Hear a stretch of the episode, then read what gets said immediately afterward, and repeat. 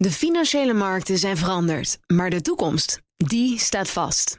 We zijn in transitie naar een klimaatneutrale economie.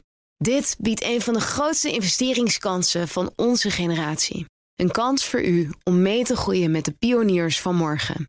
Meer weten? Ga naar carbonequity.com. Carbon Equity. Do good by investing better.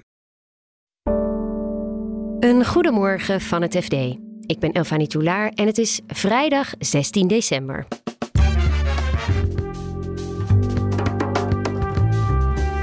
De Noren werden schat hemeltje rijk met hun olieinkomsten en keken bij ons af hoe je daar vooral niet mee moet omgaan. Jullie zijn de mensen van de Dutch disease. Jullie hebben enorm veel geld verjubeld, in, in je eigen economie gestopt, je, in je welvaartsstaat. En een juridische tegenslag maakt de toekomst van de Europese Super League onzeker. Dit soort dingen helpen natuurlijk niet om de animo uh, voor andere clubs te vergroten. Dus uh, die Super League is op dit moment wel heel erg ver weg. Dit is de dagkoers van het FD. Het Noorse oliefonds is goed voor maar liefst 1200 miljard euro. De Noor Nicolai Tange gaat sinds 2020 over al dit geld. Boardroomfluisteraar Pieter Kouwenberg zocht hem op. Hij vertelt je eerst even hoe de Noren dit enorme bedrag vergaard hebben. Elk jaar komt daar dus geld bij uit die olie- en gasverkopen.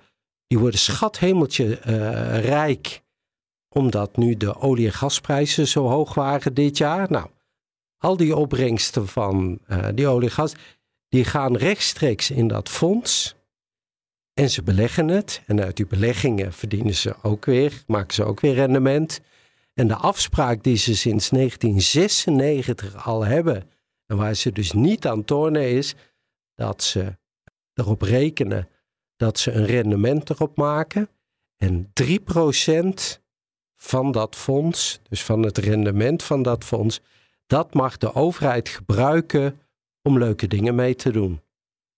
En hoe uh, kijken andere beleggers naar hoe dit fonds opereert? Het is eigenlijk uh, steeds meer toch een, een, een trendsetter.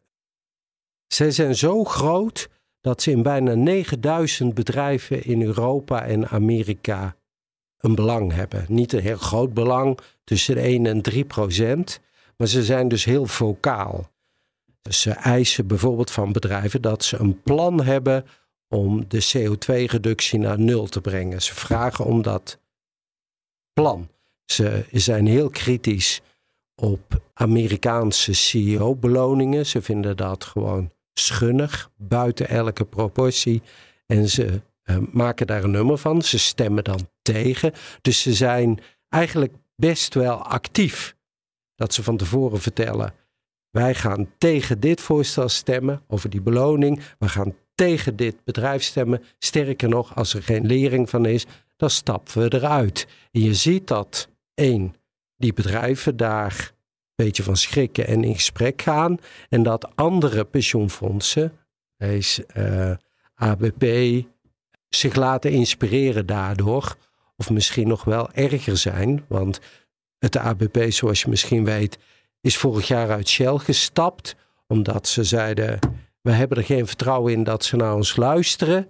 Dat gaat de Noren te ver. Uh, zij zeggen nee, je moet met die bedrijven in gesprek blijven om ze elk jaar te blijven herinneren aan je moet veranderen, je moet veranderen, je moet veranderen.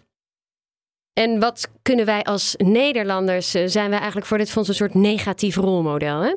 Ja, ja, ja, ja. Zij, zij zijn ons zeer dankbaar. Want wij hadden uh, onze gasinkomsten uit de, uh, in de jaren 70. En zij hadden hun olieinkomsten pas vanaf de jaren 90.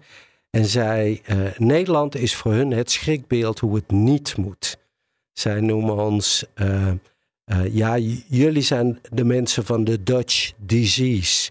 Jullie hebben enorm veel geld verjubeld, in, in je eigen economie gestopt, in je, in je welvaartsstaat.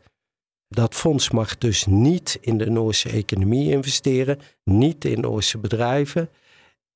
En dat mag dus maar heel beperkt uit, waardoor ze zeggen, toekomstige generaties, die kunnen blijven profiteren van de rijkdom die we destijds hebben opgebouwd.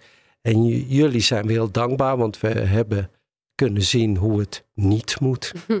En, uh, maar nu gaan er wel stemmen op om een deel van dat geld te steken in de wederopbouw straks van Oekraïne. Ja. Hoe wordt daar tegenaan gekeken? Nou, ze hebben een. een, een uh, het grappige is, Noeren zijn, heb ik gemerkt. Ik ben er dus met Marijn twee dagen geweest, collega Marijn. Het zijn eigenlijk eilandbewoners. Beetje naar binnen gekeerd. Houden zich een beetje afzijdig van de buitenwereld. En ze hebben nu een, schaamtegevoel dat ze verschrikkelijk veel geld verdienen met die olie- en gasverkopen. En dat Europa klaagt over die hoge energieprijzen. En dat Oekraïne dus in pijn zit. Dat de mensen dus vragen om help Oekraïne. Deel, stort je winst, je extra winst. Stort die nou in een fonds voor Oekraïne. En aan de ene kant willen ze dat wel. En aan de andere kant zeggen ze ja, maar het mandaat van het fonds, zeg maar de grondwet van dat fonds die er sinds 96 is, die is een beetje heilig. Daar moeten we niet aan tornen, want vandaag is het Oekraïne, morgen is het Polen, overmorgen is het Afrika. Waar stopt dit? Dus je ziet dat daar in, in het land een soort morele discussie is van ja, we willen eigenlijk wel iets doen voor Oekraïne. Maar ja, dan gaat misschien ons fonds op de helling. En dan de Super League. Voetbalclubs Real Madrid, FC Barcelona en Juventus willen dolgraag hun eigen competitie.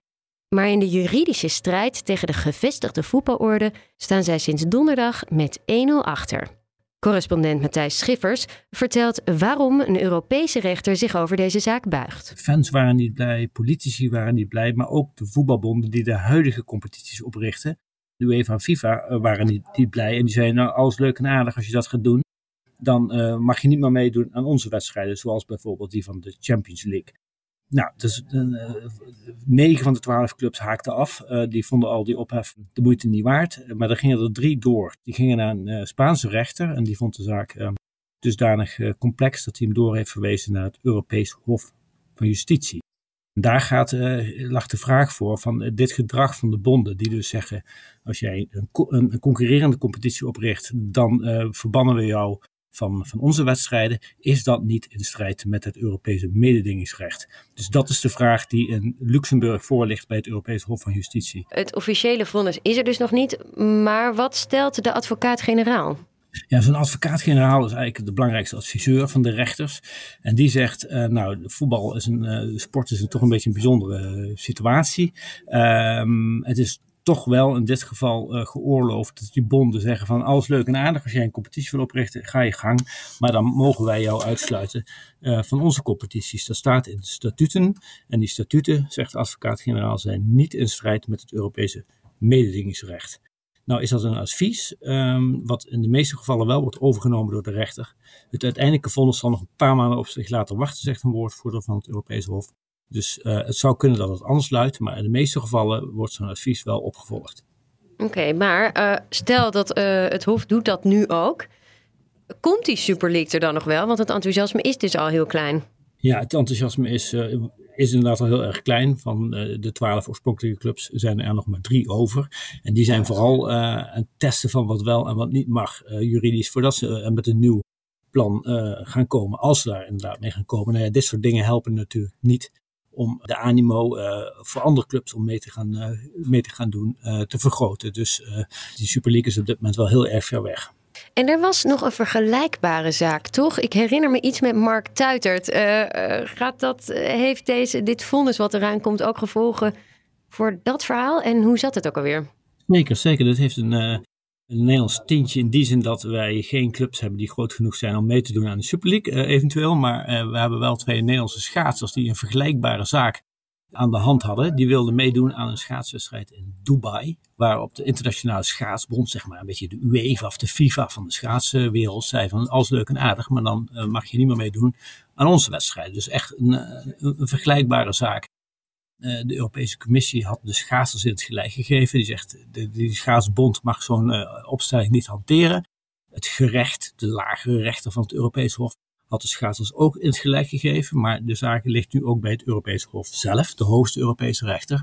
En ook daarvoor is dus een advies gegeven door deze advocaat-generaal. En die volgt dezelfde redenering als bij die voetbalzaak.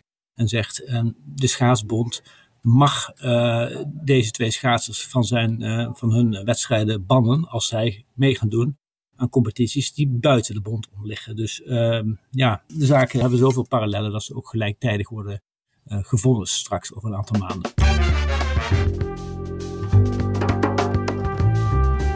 Dit was de dagkoers van het FD. Morgen vind je in deze feed de week voorbij. En maandagochtend staat er weer een nieuwe dagkoers voor je klaar. Ondertussen volg je het laatste financieel-economische nieuws op fd.nl. Alvast een heel fijn weekend en graag tot maandag.